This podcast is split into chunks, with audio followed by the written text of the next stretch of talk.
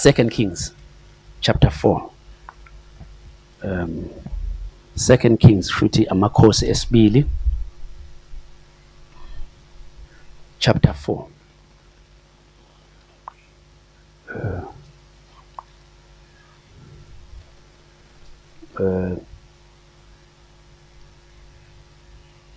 Second Kings chapter 4 siqala ufunda ku verse 1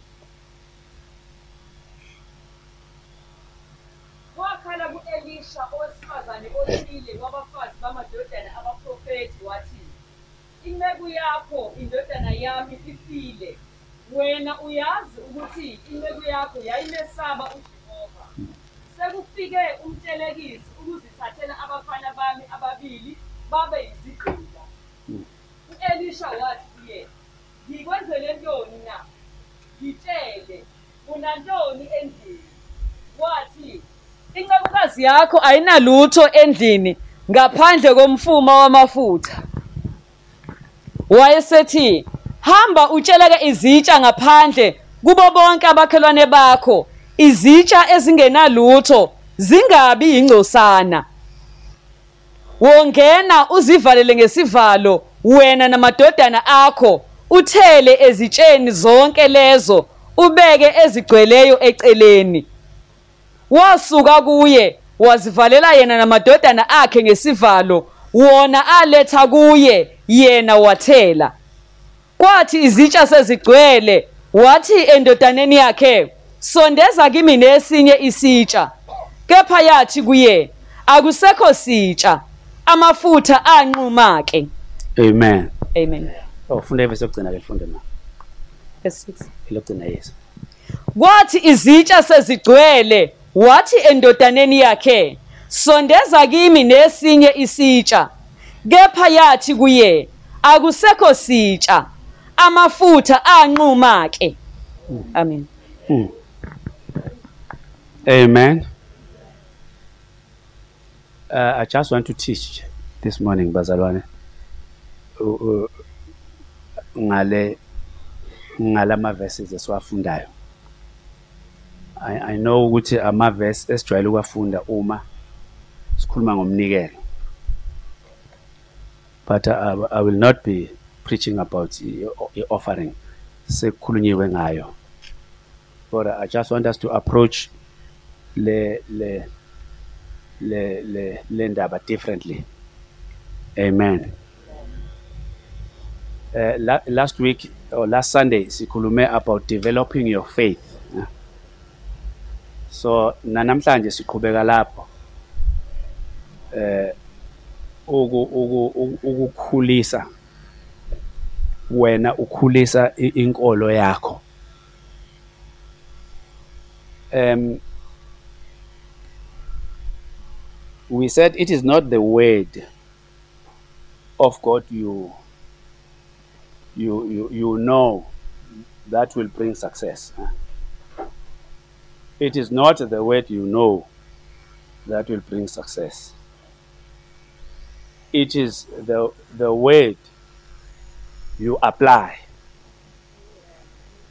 that will bring success, that will bring breakthroughs into your life.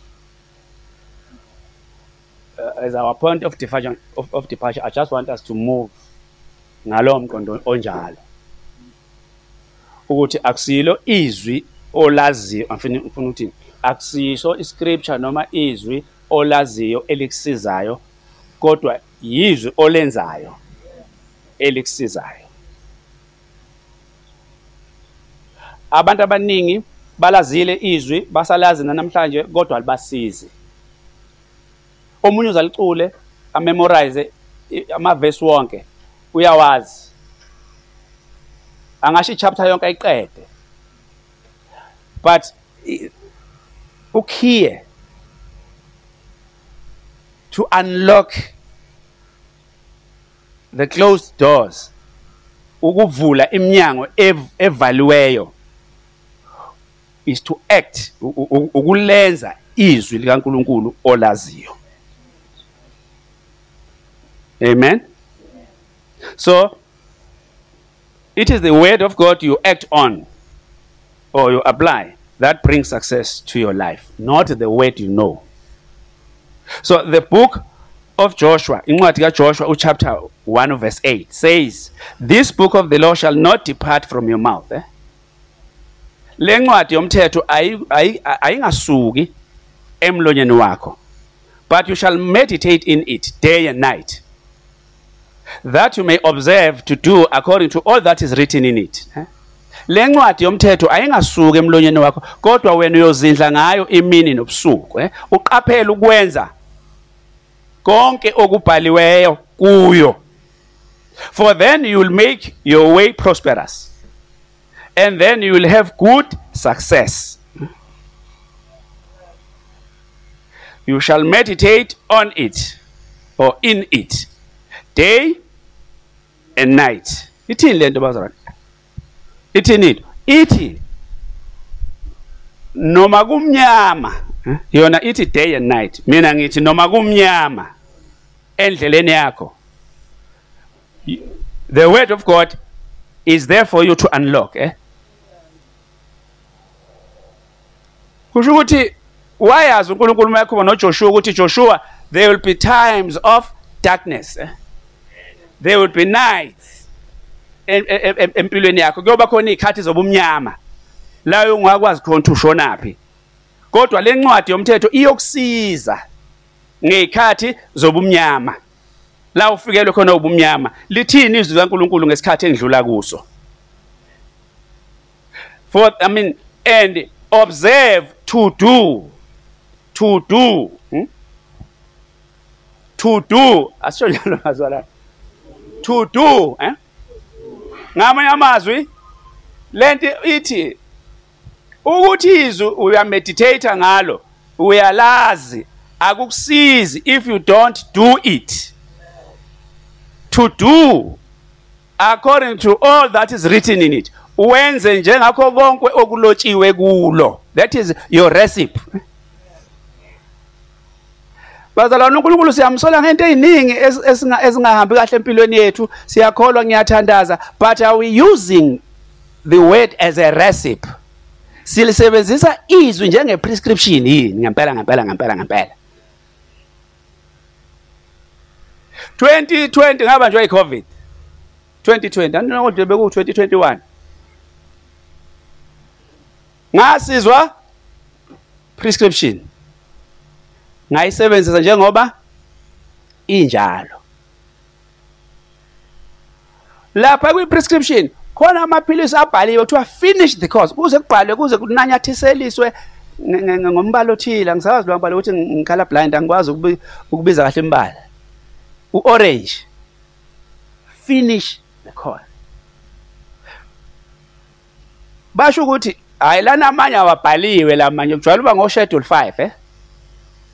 La amanye awabhaliwe ukuthi finish the course. La amanye nje amanye abhaliwe kuthiwa when necessary. Yabona? Uma kunesidingo kusho ukuthi lelo nje uma ngiphethwe ikhanda bese ngiyalidla ngalidla noma kanye uma sekuphele ikhanda ngiyaliyeka. Alinankinga ngilandela i-prescription. Le eze yananyathiselwa kwathiwa finish the course bese usuka wena ungayiqedi ngoba lawo ama-antibiotics lawo. A-strong kakhulu. Kuzokwenzakalani na? If you don't finish the course la nto ebhaliwe ukuthi oqedele owaqeda la uwadla uzowaqede. Noma ngabe uyaweza ukuthi uma usuwadlile ungathi ayabuya kunjani njani finish the course. Kusho i-prescription awenzi anti uye kudokotela wena. Wena ufuna usizo lapho ubhale ukuthi finish the course. Uma ungayiqedi course uzodevelopa kuwe. Hey bakithi. Uzothi uma ugula ungabe usasinda. Ingakho abanye be- be- begcina behamba emhlabeni ngenxa ye-multi drug resistant TB ngamanye amazwi amaphilisi amanye ozothi uyawaphuza wasezukuzwela. Ngenxa we- ngenxa ukuthi wena you failed to finish the course awusebenzanga ngokwe prescription izwi kaNkuluNkulu linjalo bazalwane. You must apply it like you do when you are given a prescription. Uzovuma udade uma kuthiwe yiza lapha ya uzoklina izinto kabili ngeviki wena uze kanye. Uzofa. Uzofa. Ngoba kuthiwa nje uyiza kathathu wena uze kanye. Kodwa ngalelo viki ogeje ngalo ukubabona sobe sesishaya uhosana amaguga lelizwe amen. Kunetem la khona ke abalisebenzisa nithi nenzani konje sesima? Niyadialyze eh? Bathi bayadialyze dialysis baya bayadialyze kusho ukuthi bayaklina lapha bafaka emapayipini akukhiphe igazi yonke lento lena esuke isivimbile ukuthi ingakwazi ukuhamba eh, eh, eh, lento yokusefeka kwegazi lapha. I mean kokungcola lapha ezinsweni ngilandela kodwa bazalwane lento ethi izwi laNkulunkulu li-apply njengoba u-apply prescription ngase ngithi ukuhlala newehle zamaphilisi uzwabiza ngamagama uthi wena unawo akusho ukuthi uyaphila. Ukuthi uyawasebenzisa akusho ukuthi uyaphila uma ungawasebenzisanga ngokwe prescription walandela indlela yawo. Ilathi nesigeja khona uma sihamba noNkulunkulu. uNkulunkulu ashe enye into ezwini lakhe mina ngenze enye engizoba comfortable kuyo. Ngithatha indlela ey-shortcut kanti uNkulunkulu uyenza ngasemabomu ukuthi ngithathe edrayayo indlela. Uyayazi ukuthi hey-shortcut izongilimaza kuphi.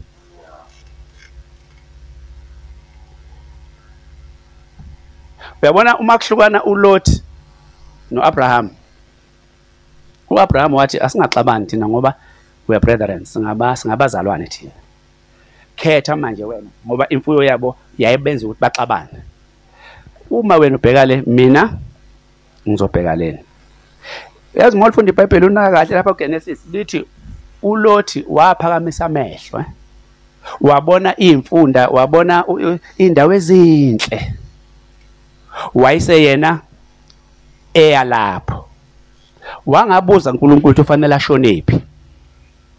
Kanti khathi eya eyimfundeni ezinhle uye eGomora naseSodoma.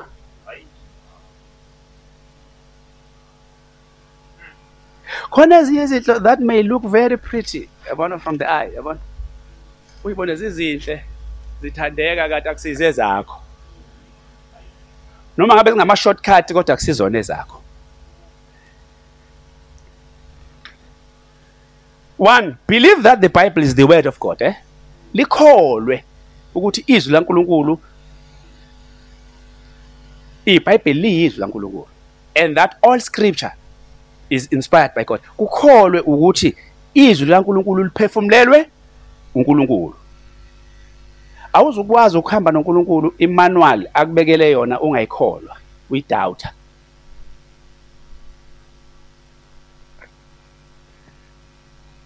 And it is useful for teaching, for correcting, for training in righteousness. Lilungele, it's profitable.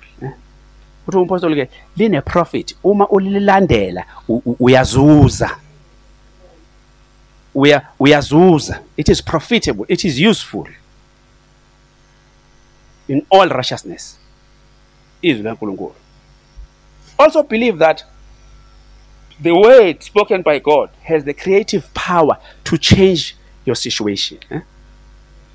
Izwi laNkulunkulu linamandla okudala izinto phambi kwakho ziguquke ziguqulwa yizwi likaNkulunkulu ngoba liwuNkulunkulu lona izwi lakhe manje la esifunda khona sifunda indaba enkulu lo wesifazane liyam introduce kahle iBhayibheli lana lithi waye unkosikazi wamadodana abaprofeti waye unkosikazi waye umka kuthi wayezalwa wayegane ngisho kahle wayegane indodana yomprofeti wayeseyashona ke lo ndodana ke futhi yena uphuma vele umntwana kaNkuluNkulu. Into enkulu ke leyo sekufika isikhathi manje ke indoda yakhe ayisekho isishonile sekufika manje ke usehamba uyo uyo uyo uyo uyocela uyokweleta mayikweleta akasenayo imali yokukhokha. Bazalwane ma ukweleta umuntu imali yakhe wenza njani uyibuyisele khona abantu abagude ekubolekeni kodwa abangekho kude ekubuyiseleni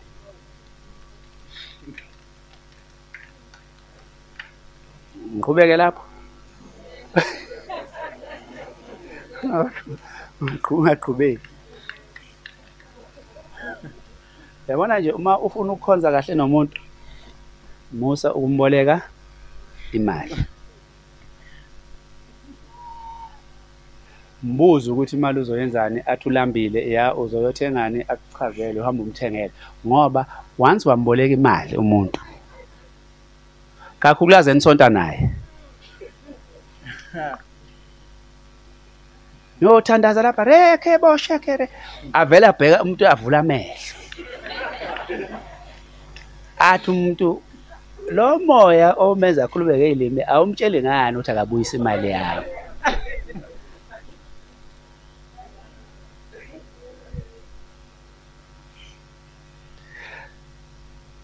Ucingo lomuntu awusalibambi. Siyaliziba. Sihlezi nawe la usivakashele. Umakhala ucingo futhi hayi ilolu. Hayi bayisicefe la kanti wena uyabona ukuthi ilo- ilo muntu osefuna imali yakhe. Manje ke wayese endaweni enjalo lo wesifazane wayesethi lo muntu lo i- i-creditor uthi ngizothatha izingane zakho zonke ngiyozenza igqila. Uzosala ungenangane mina ngizothatha lezi ngane ngizoyoyidayisa ebugqilini ukuze ngithole imali yami. So umprofeti uqhamuka at a right time isikhathi esi-right ngoba uma uhamba nonkulunkulu there shall always be a right time. There shall be a, a point of contact a- la during your time of need where god will meet you eh? la ngempela u- u- u- ungazi. Ma umntwana kaNkuluNkulu uthemba uNkulunkulu uNkulunkulu will appear. Njengoba uma umfundisi wayekhuluma ngo- ngo-Abraham kwafika amadoda amathathu afika ngesikhathi sokudinga bengenaye umntwana. Uthi by this time next year Sarah will have a child. Manje ke ngiyawathanda amazwi ashiwo. U- u- umprofeti uma ephendula eseyichazile indaba lona lo owesifazane ngilekelele sizothatha ingane zami manje. Uthi umprofeti unani eh? hey bazalwane unani. What do you have? Unani. Uthini lo wesifazane? Incekukazi yakho ayinalutho endlini ngaphandle komfuma wamafutha. Yabona usathane wayefuna ukumshaya lo mama emshaya ngobuphofu ahlale kulesi sikweleti angabe saphuma kuso. Uthi incekazi yakhe ayinalutho. Ungathi uma esho njalo umoya kaNkulunkulu wawusumfaka leli gama lokugcina kanti lona elibaluleke kakhulu. Ngaphandle except but the oil. Kanti lo but iwona ozoshintsha impilo yakhe? Yonke lo but the jar of oil. Kodwa usathane wayesethe gcina gcina thanda nje wena angina anginalutho. Sometimes bazalwane siyesikhuluma into ngomlomo wethu esicindezelayo. Ingakho ibhayibheli lithi death and life eh, is in the tongue. The tongue has got these two things. In the tongue there is life and in the tongue there is death. And those who love it laba abalithandayo ulimi eh? bayodla ithelo zalo ulimi. Manje lo wesifazane ukhuluma igama elibalulekile kanti umprofeti uzovela abambe lona. Sometimes yazi omunye umuntu uhlale naye phansi uthi khuluma iqiniso umuzwe ukuthi lento ayikhulumayo ayiphelele. Omunye abaze bamgubha impela bathi hayi qhubeka.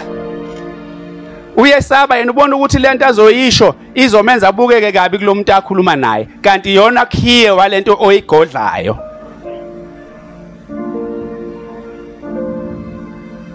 Sometimes uNkulunkulu ufuna sikhulume. Athi sime sazi yena kodwa ufuna mina ngikhulume mina ngesimo kuqale ngisilande. Hayi ukuthi akasazi uyasazi kodwa ufuna mina ngikhulume.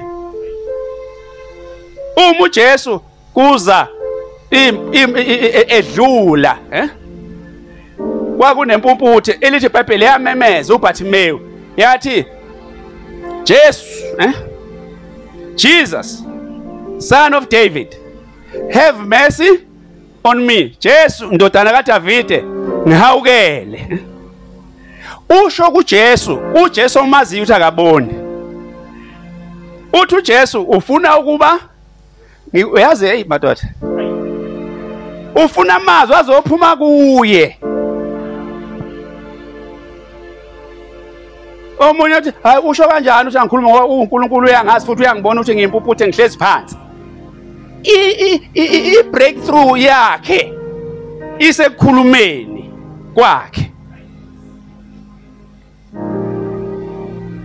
Jesus son of David have mercy on me. Uthi ke ngikwenzeleni that I may receive my sight. Eh?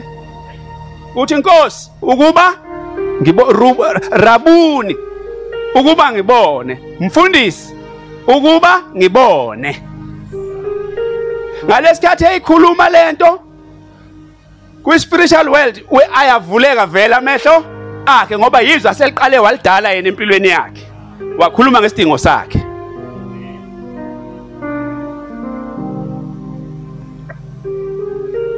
So ke la uthi unani? Anginalutho.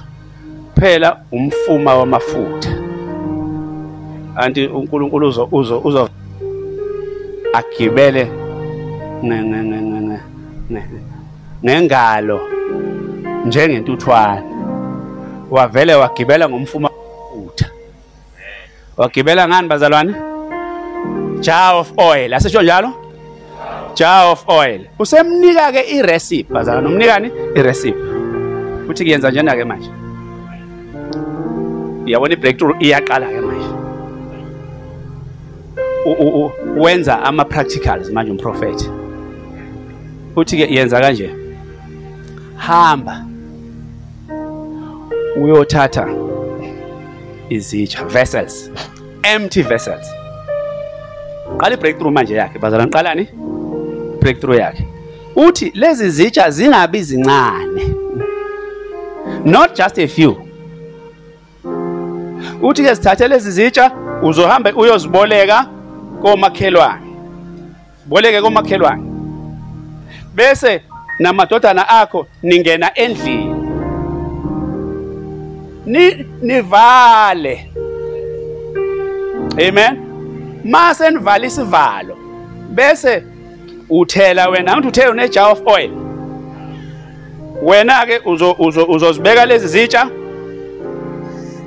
Uthele. Mase sigcwele isitsha osibuyisela eceleni asingahlangani nalezi ezinye. Uzithele. Abafana bayenza sure bona ukuthi mase sigcwele nje asingahlangani nalezi ezinye. Benze njalo. Hayi bazalwane. Hey bazithele bazithele bazithele umama.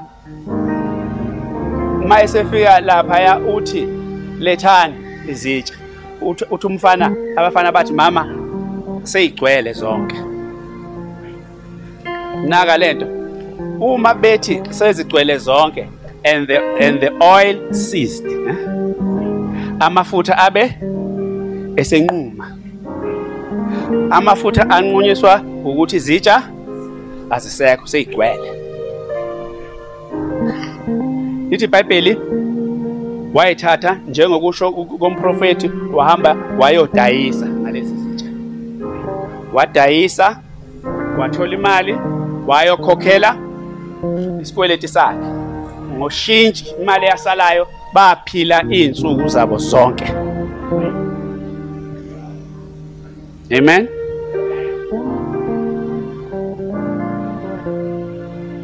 Nayinto yokuqala bazane ebalulekile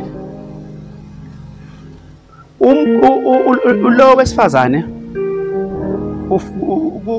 kuyisikhathi la e e khona eh? when her situation is dire eh? simo sakhe simuncu kakhulu kodwa into engiyithanda engifuna uyinake la one uyakholwa yizwi elishiwo umprofeti izwi elishiwo umprofeti uyalikholwa njengoba ngithi likholwe izwi likaNkuluNkulu. Uma ulikholwa izwi likaNkuluNkulu uzoli-aplya futhi okwesibili uyakholwa ukuthi izwi elikhulunywa umprofeti likhulunywa uNkulunkulu.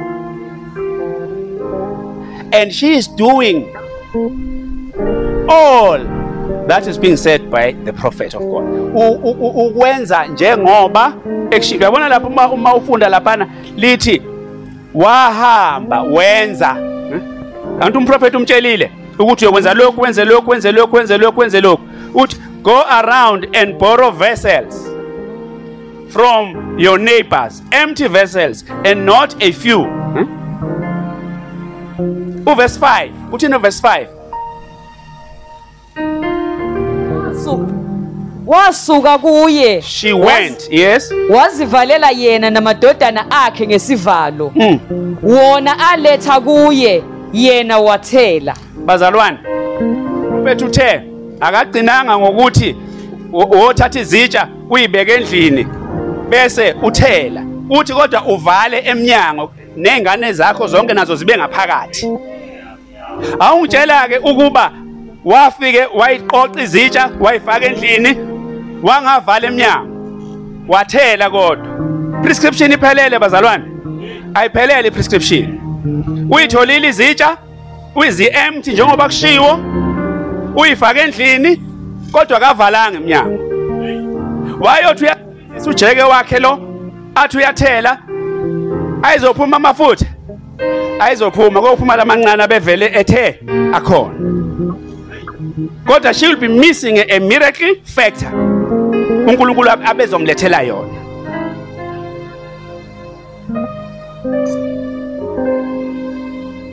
Yingakho ibhayibheli lithi and observe to do all not some but all that is written in it. Unkulunkulu uma ekunika iresiphi ukunika iresiphi yokukuphilisa wena ngoba wena ogulayo akaguli yena. Uma udoja iresiphi uzidoja wena kuzofa wena. Hayi yena. Kusho ukuthi uma ufunda izwi laNkuluNkulu ufuna i-breakthrough esimene esithile bheka izwi laNkuluNkulu ukuthi lithini ngalesi simo uNkulunkulu uthini ngaso then apply it. Ma ethi uNkulunkulu i-breakthrough yakho izoza ngokunikela yenza khona lokho. Ngoba sometimes kunezwi elibhalwe phansi kunezwi elikhulunywayo. Sometimes the holy spirit will just speak very softly. Empilweni yakho in your heart uzwe ngathi khona into engathi iyabuya uthi uyayiziba ngathi iyabuya. Kanti uNkulunkulu okhuluma nawe kwesinye isikhathi kudlule nje into engathi umbono ungathi ulele kanti awulele. uNkulunkulu uyakuvizitha. Ukutshela ukuthi uphuma kanjani la? Enye ebusuku lele ngephupho uyibone. uNkulunkulu akuqwashise athi thandaza. Buse uyakudoja wena ukuthandaza uthi hayi ngiyabona ngeviki elizayo kanti umoya engcwele uyathi kuyaphuthuma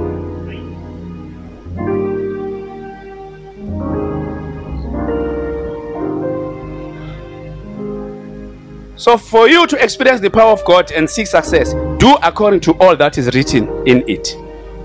In other words, apply the word just as directed by God. It is a recipe, it is a, pre- a prescription for your breakthrough. You have to play your part. Play your part. You have to play your part for your breakthrough. In other words, do your best and God will do the rest. Uyabona la? Lo mama is heavily involved with breakthrough yakhe. Mawubuka la. Yazi nanto enye ngifuna sinayo. Hayi laba baya bayacula nje nabo nabo basilalele ukuthi senzani ngapha. Bayakhonza nawo. Nayo into engifuna sinayo bazalwana. Sometimes si simisa i-opportunity si si si si si- si- sidlulelwa ama breakthroughs ethu phambi kwethu hayi ngoba ama resources e breakthrough singenawo angiphinde bazalwane ngithi sometimes si si si si- simisa i-opportunity. uNkulunkulu efuna ukusisiza. Hayi ngoba izinto insiza singenazo. Ake ake ake ake sikhulume la mabe kuthiwa siyakhuluma. Lo mama uhluphekile ushawa ipoverty ushawa is- isikweleti akanalutho. Kodwa uma ubuka la uNkulunkulu akafiki nalutho. Hayi bazalwane. Akafiki? Lo mama unani? Unojeke. Lo jeke unani? Unamafutha. Lo mama unomakhelwane. Labo makhelwane baphethe izitsha. Lo mama unendlu. Lendlu enesivalo. Bazalwane am I making sense? Ama resources wonke e breakthrough yakhe akuye. Awekho kuNkulunkulu. Kodwa yena she's suffering with all the resources. U- uhluphekile. Kuzodliwa ingane zenziwe igqila kodwa uphethe yonke into. That's like Moses bazalwane. Uma efika kuFaro uthi uNkulunkulu ezoya kuFaro uthi eh, kathi ekhulume ekhulume ebalisa ebalisa namalimi kanjani uthi Moses yini esesandleni sakho? Hayi ukuthi kwehla into ezulwini wa- wam- wamnika wayevele eyiphethe elusa ngayo. But he knew that what he had was going to be used for his breakthroughs endleleni ehamba. Sometimes esithi hayi anginalutho. When you really have something uNkulunkulu akunike yona. So i mean what i'm saying ties with what unosipho was saying here.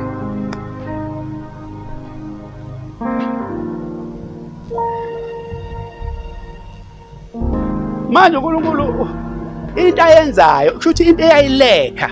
Ufuna uyinake leyo nto leyo. Into eyayilekha kulo wesifazane it was just the word. The word from the prophet. In other words the word of god. Yenzani it gives direction. Amen? Izwi likaNkulunkulu lik- li- li- likunika indlela. Ngoba uNkulunkulu ukhuluma nawe kuba ngathi uyakuvusa ulele in your spirit. Athi phuma lapha. Yabona uma ubuka indlela oyihambile yakhe iBhayibheli lithi oyikhumbula indlela. uJehova uNkulunkulu wakho akuthwalile yonke leminyaka mayihamba noIsrayeli inyawo lapha phansi icathulo iBhayibheli lithi ayikaze iguge bahamba ngazo for 40 years ehlane is that that is a miracle bazalwane.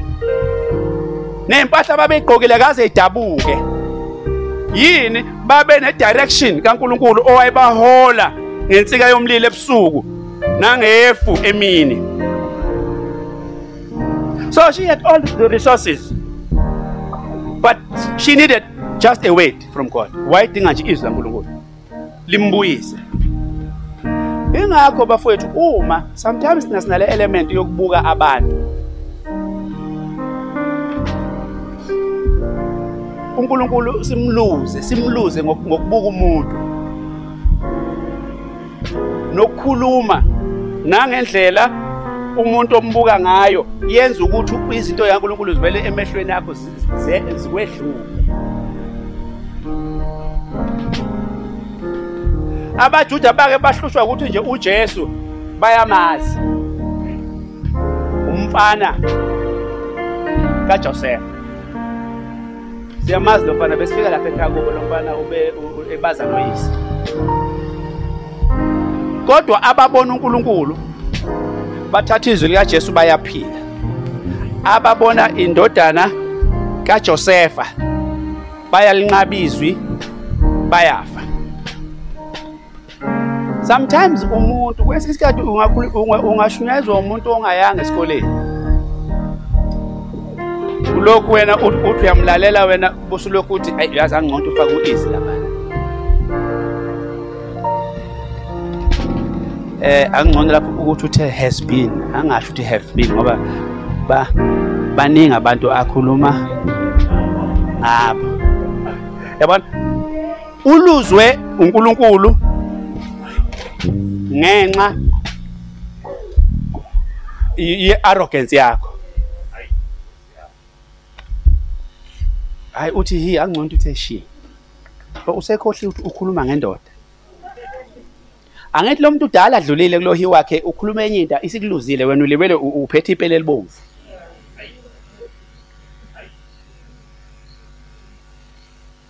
abanye bafuna sebezwa aba- abashumayela abakhulu kakhulu. Manje abantu sebeyabakala ukuthi hawu lena sesake sayizwa le le ntshumayelo. Awu usasitshela mina lento ngayizwa kubonke ngo-1980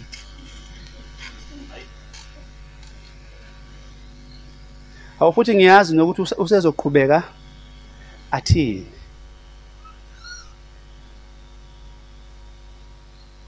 Babuye abantu bethi hawu izwi kaNkulunkulu bazalwane awu siyambonga uNkulunkulu lisibusisile hawu be- be- bekuthiwa hayi bekuthiwa bekushumayela nje ngalo ngalo umfelokazi lo waseshuneni. Oh bese kuphela amavesi. Bekhuluma ngomnikelo. Obusuyamcorrect wena. Hayi cha bengakhuluma ngomnikelo ke kulokho oh awu leyo nto wake wayikhuluma sise sise sise Protea Hotel. Wake wayikhuluma nto sise Protea Hotel ngo 2019 oh uyayichamela lento abanye bese bethi mina ngiyayibamba lento ekhulunywayo. Ukuthi izwi laNkulunkulu liyi-prescription. Ukuthi uNkulunkulu unginike onke ama-resources. Okwami ngithi inkosi ngivula amehlo to see the resources in my environment. Ukuze ngibone ukuthi yini ekwi-environment yami ngoba wena ufuna ukusebenzisa ukungisebenzisa noma ukus- ukusebenzisa izinto enginazo. Ukuze kuvuleke indlela. Ma uNkulunkulu ethi fasta i-resource ingakuwe leyo niyabona bafowethu? Wayinaka lento eya- e- e- eyehlela. Ulo ula uba lo lo step. Esathi inkosi Abraham ngivumele ukuthi ngibuyele ekhaya hm? emhlabeni ngiyotshela abafowethu uthi uNkulunkulu hayi lena emhlabeni bakhona. Uma bengabazwanga labo bantu labo musucabanga ukuthi kuyosika umuntu ezulwini ezokhuluma.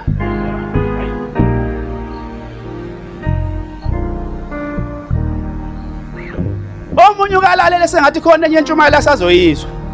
Uyabona ukusuka nje ekhaya nje uze lapha usuba umuntu osesimeni sokuthi khona enye intshumayelo osazoyizwa hhayi le eshiwo unxumalo ma ungaconnect nomuntu okufundisayo ufana nomuntu ongekho njengengane ukuthi uyi-present kanti i-absent.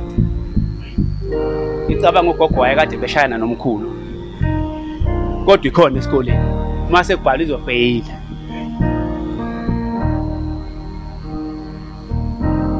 amen.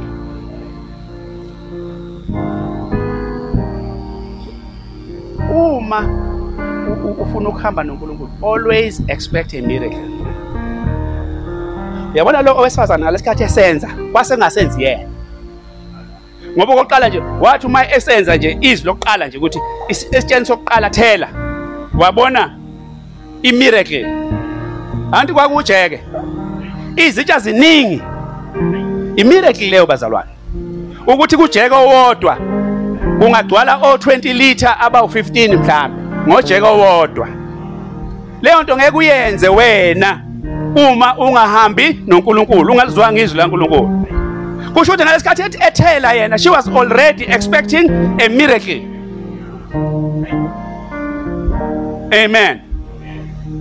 Khona inake lapha khona lapha sesibonge athi khona ngokuba usho kanje oh enye leyo eka Eliya leyo not not Elisha ma ethi usho kanje uJehova. Uthi ngokuba uphisa lama lwamafutha alikuphela eh hamba wena ngenzele mina kuqala umfaka izwi eh? Nalento yokulikholwa izwi usho kusho ukuthi khathenza lo wesifazane ebasa izinkuni emphekela lona umprofeti emenzela iqebelengwana khona lento la kuye she is already pregnant ngemiracle uNkulunkulu azoyenza. Ngoba izwi lithi usho kanje usho angakhathenza nayo ungathi uyahlabelela uthi usho kanje usho kanje usho kanje usho kanje usho kanje usho kanje. Khona abahlabelayo bathi ngabamba ukusho eh bamba ukusho ukusho kwakhe. Sebedla iminyaka. Kwenziwe lo sifazane she was expecting a miracle. Noma uthandaza noma ukhuluma noNkulunkulu uzoba neformula wena ukuthi uNkulunkulu uzoyenza kanjani leyo nto. Kodwa yazi mshiyele uNkulunkulu imiracle yakhe azoyiperform ngamanye amazwi be expectant. Qalazi ukuthi izoqhamuka kanjani izoqhamuka imiracle ngoba we serve a miracle working God. Be pregnant with a miracle factor empilweni yakho ayibe khona into ethi hayi uNkulunkulu lento uzoyenza noma mina ngingayazi uyenza kanjani? Kodwa yena uzoyenza yena ngoba is a God of miracles. So do not limit God in your expectation, eh? Ungamkali uNkulunkulu kuma expectations akho. Uyabona ligama elithi zingabi ingcosana, eh? Isho ukuthi mina my capacity as God is too wide and and it is too vast to comprehend my capacity eh? capacity yami njengoNkulunkulu ingakho athi izitsha zingabi incane ngoba uma ziyincane incane breakthrough yakho. Mayethi azingabi incane ungathi umnika imbuzi. Yabona ngoba ushithi umprofeti wayazi ukuthi hawu mhlawumbe ngabuya nezimbili ngoba udesperate. From ujeke kuye ko20 litha ababili wayezothi hayi uthi usenele. Kodwa umnika imbuzi uthi hayi ngalesikhathi uyifuna ungafune ezincane azibe yiningi. In other words, as far as your eyes can see, eh, you will have it. Uma zu20 isibusiso sakho sizolingana emva kwalokho amafutha ayanqamuka. Anqanyulwa yini? Anqanyulwa icapacity. Abazalwane bayazi la. Sambe sakhonza egarage. Eh bazalwane? Igarage lenza njani? La la lagcwala sayibona abazana sebehlezi ngaphandle. Sabuya seza lapha. Sakhonza kulesi stretch tent ekade sisebenzisa esiyu7 by 12 abazalwane bagcwala kuleso stretch tent leso. Train not stretch tent i-frame tent. Kuleyo frame tent leyo ade sebengicorrecta njalo. Hayi mfundisi akusiyo i-stretch tent i-framed tent. Manje ke sase siphuma kulelo tende bazalwane. Sesithole manje itent eli ngoba kuqala besigcina lapha nje. Abafowethu laba besipintshana sonke khona lapha. Yabona? Siphelele khona lapha iband ibuye ize khona la seliphelele ithende la. Kodwa manje sesinethende elivulekile. Abazalwane bayagcwana bese kuthiwa kufuneka ihlalo. uNkulunkulu uoperator ngokwendlela esimvulele ngayo thina. Kusho ukuthi uma siletha i-tent labantu abawu-600 uNkulunkulu uzoletha abantu abawu-600 do you believe that? Akukho lo hayi mina angikholwa mina. Angikholwa mina. uNkulunkulu usesitshengisile bazalwane ukuthi u- uhamba uma mehlethu eya kuleli uNkulunkulu uzoletha abantu abangaka Yingakho ke sithi ma sakha wakhe unomqondo of multiplication. Unga ungakhi ngomqondo we subtraction. Noma just to maintain the status quo. Kodwa yakha ngomqondo of multiplication because we serve God. Our God is a God of multiplication. Mina noma ngakhe isibaye ekhaya phela ngakhe isibaye esikhulu. esikhulu yabona lapha yana ucingo lo le yolo lapha ol- olunqamula luthi nalolo lungapha isibaya sami sivuleke kangaka kodwa sengibona inkomo seziyahlabana khona khona lapho futhi. Ma umuntu yakhe isibaya ngivele ukuthi ye ye ye ungakhi ikotshana wena uyayivalela. Ngoba nginale principle wokuthi uNkulunkulu uNkulunkulu owandisa owandisa umkhawulo. I-extend your territory. Nanoma yini yenza ukuthi ingathi iyafulela ma wakhe indlu ungakhi indlu ngiyazi kuna kuna kuya ngamandla phela. Kodwa abazalwane bazongena ngelanga bezothandaza. Hey ngenzela abazalwane uma befika nabo bakwazi ukuhlala. Amen. So yilokho bazalwane emini egameni likajesu. Ukuthi expect a miracle factor. uNkulunkulu uzosebenza ngalokho wena okubonayo phambi kwakho. Ngeke ngithi ke egcineni uma ngisho ukuthi unikwe whatever assignment uma ungasaboni phambili. Kusho ukuthi vision isinjani? Cela omunye uthi hayi yabona ngafika kwesisikole kwaku bheda bengikhalela abantu bethi hawu kodwa nkosi yami uya kulesi sikole esinye lapho ingane ziphuma khona ngelantshi ingabe isabuya zibuya seyidakiwe eyibuyayo siyakudabukela uya kulesi sikole. Zithola 35% kwa, kwa, kwa grade 12 ngathi mina ngiyamkholwa uNkulunkulu engihamba naye. Ngagcina lapho nje. Kodwa hawu uzongena ezicathulweni zobaba omdala umncane angisemncaneke lapho ngesikral ngumfanyana Ungangiboni nje ngoba sengise Iskral Iskral umadlamini usiwaphaka Iskral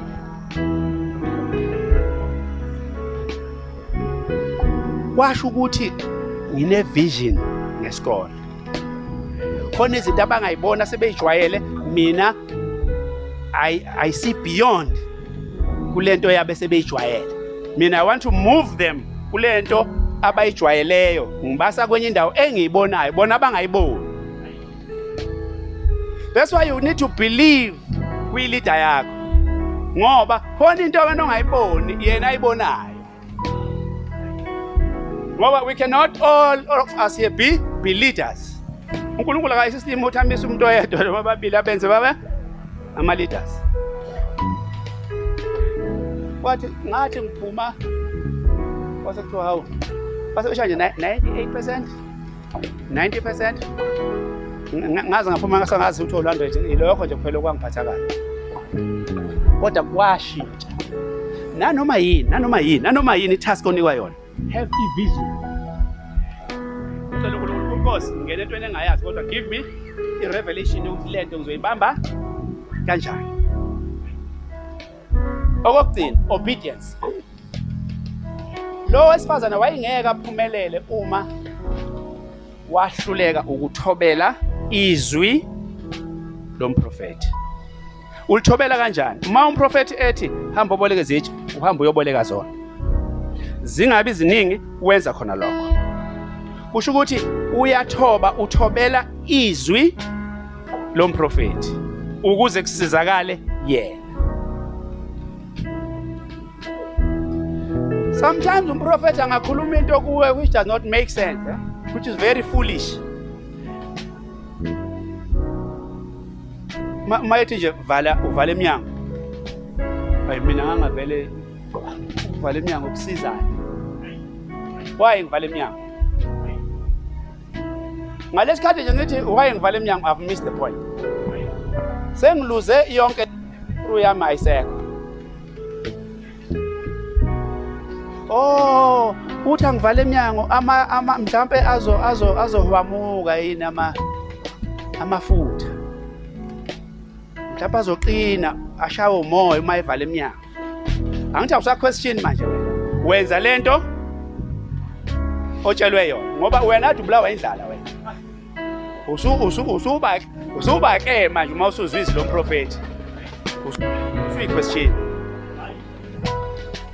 Kade ubulawa indlala ukhala uthe umprofeti wawukhala umkhalela Hawu ngiyafa ngiyafa umprofeti bangafika noma nini kuba isikhathi sanamhlanje nje kusho ukuthi wayezwa imoto iduma nje ebusuku elele ethi "Hawu, valani valani bantu abamnitha ngikho nitha ngikho nje ngihambe ekuseni uma ngihambe izolo ngiyobuya kusasa kodwa uma sekufika umprofeti uza ne breakthrough Amen Asiphakame bafethu sithandaze. Bamba ukusho kwakhe.